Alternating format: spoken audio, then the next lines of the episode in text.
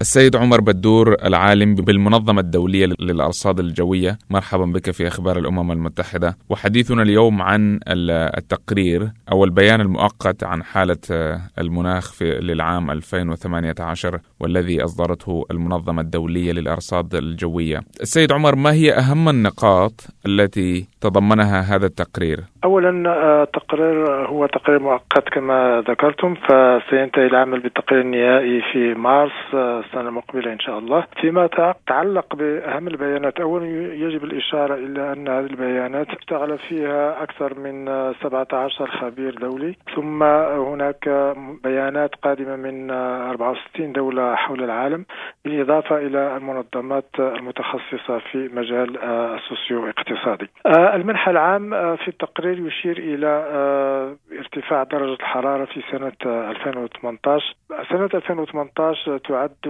من بين أربع أسخن سنوات على الإطلاق منذ بداية القياسات في سنة 1850 سنة 2016 تبقى الأشد حرارة نظرا لظاهرة إلنينيو فيما سنة 2018 عرفت شيئا من البرودة ناتجة عن ظاهرة لانينيا لكن المنحنى العام لتواتر السنوات وتذبذب السنوات يشير إلى المنحى التصاعدي. هذا مؤشر عام. فيما يتعلق المؤشرات الأخرى الأشد وضوحا نجد مثلا الجليد القطبي الذي مداه لا زال يتناقص.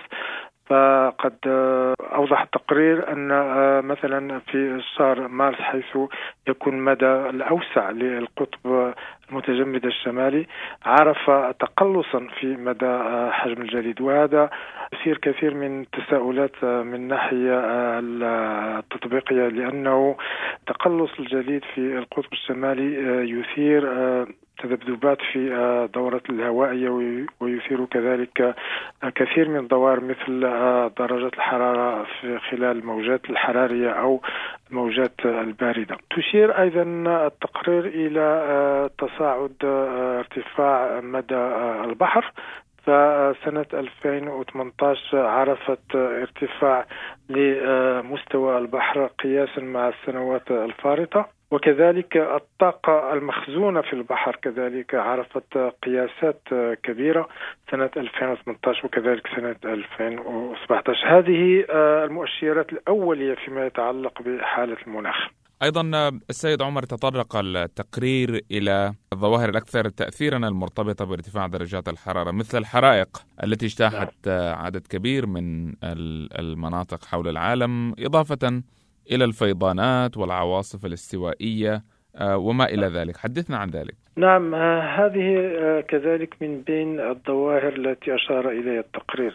وكما ذكرتم فالحرائق وموجات الحرارة تركزت بشكل خاص في شبه في في في أمريكا وفي كذلك في البحر الأبيض المتوسط مثلا في اليونان وفي البرتغال بالإضافة إلى بعض المناطق في في أستراليا وكذلك آسيا. هذه الحرائق عرفت هذه السنة بشدتها بحيث أدت إلى وفيات كثيرة وخاصة نحن آه، نتطرق هنا إلى الجانب الصحي للمجتمعات مثلا في في أوروبا وفي توصلنا إلى بيانات أولية فقط لأنه البيانات الأخيرة قد تكون أكثر صدمة. فتوقع البيان أن تكون على الأقل 1600 حالة وفاة بسبب ارتفاع درجة الحرارة آه، خلال الصيف فقط. بالإضافة إلى مئات الوفيات نتيجة الحرائق في الولايات المتحدة وفي آه، أوروبا. فهذه المؤشرات آه، فعلا صادمة. وكذلك كما أشرتم هناك آه، التقرير يشير إلى فيضانات آه، كثيرة وخاصة في اليابان حيث سجلت سيولات مهولة لم تعرف منطقة اليابان منذ عقود. هناك كذلك ظاهرة الجفاف.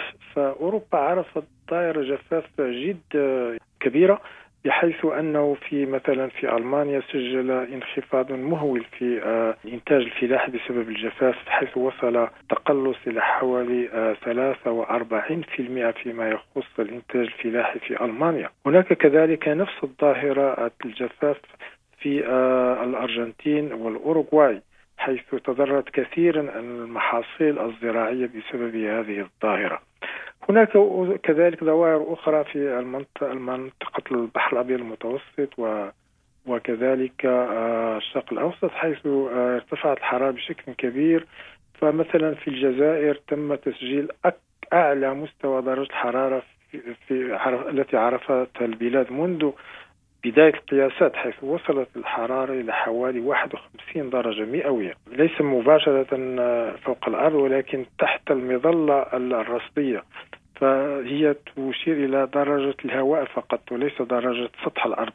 فهذه الظواهر يعني بالإضافة إلى ارتفاع درجة الحرارة بصفة عامة تثير كثيرا من التساؤل حول آه، السرعة في آه، إنجاز الاتفاق الذي وافق عليه وافقت عليه الحكومات في باريس سنة 2015 يعني أصبحت مسألة مستعجلة جدا جدا أنت تطرقت إلى الجزائر التي ذكرت تقرير وذكرت أنها حدث فيها أكبر ارتفاع لدرجة الحرارة وأيضا التقرير أشار إلى عمان سلطنة عمان نعم. أيضا التي آه، بلغت فيها درجة الحرارة 42.6 نعم. درجة مئوية في شهر يونيو الماضي. السيد عمر ما هي أهم أو أو الخلاصة التي توصل إليها هذا التقرير؟ فقط قبل أن نتطرق إلى سؤالكم الثاني فهذا التقرير هو كما ذكرتم في الأول تقرير أولي فقط. فهناك بيانات تتواتر علينا حيث سنرى كذلك ارتفاع درجة الحرارة في كثير من البلدان الأخرى التي لم يشير إلى التقرير في هذه آه، المرحلة.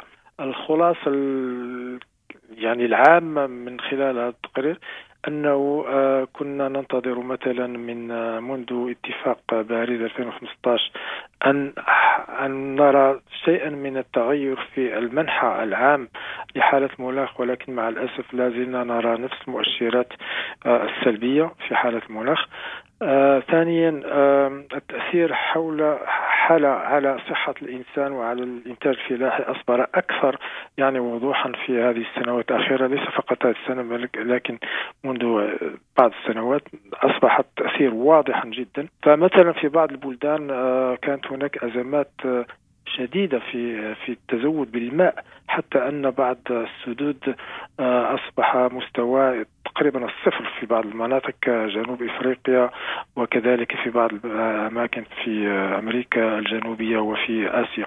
فيعني المؤشرات السلبية التي تؤثر مباشرة على الأنشطة البشرية وعلى حياة الإنسان أصبحت أكثر وضوحا آه هذه السنة. وهذا يعني هو هي الخلاصة الكبرى. فهناك ارتفاع درجة الحرارة هناك الضوائر القصوى ولكن هناك أيضا التأثير الذي أصبح يعني بارز للعيان فيما يخص على التأثير على الحياة البشرية وكذلك على الإنتاج الفلاحي والمنظومة الإيكولوجية بصفة عامة. في الختام نشكر لك هذا الحديث وهذه المعلومات السيد عمر آه، العالم بالمنظمة الدولية للأرصاد الجوية. حدثنا عن آه، أبرز النقاط التي وردت في التقرير المؤقت عن حالة المناخ في عام 2018 شكرا جزيلا. شكرا لكم أيضا.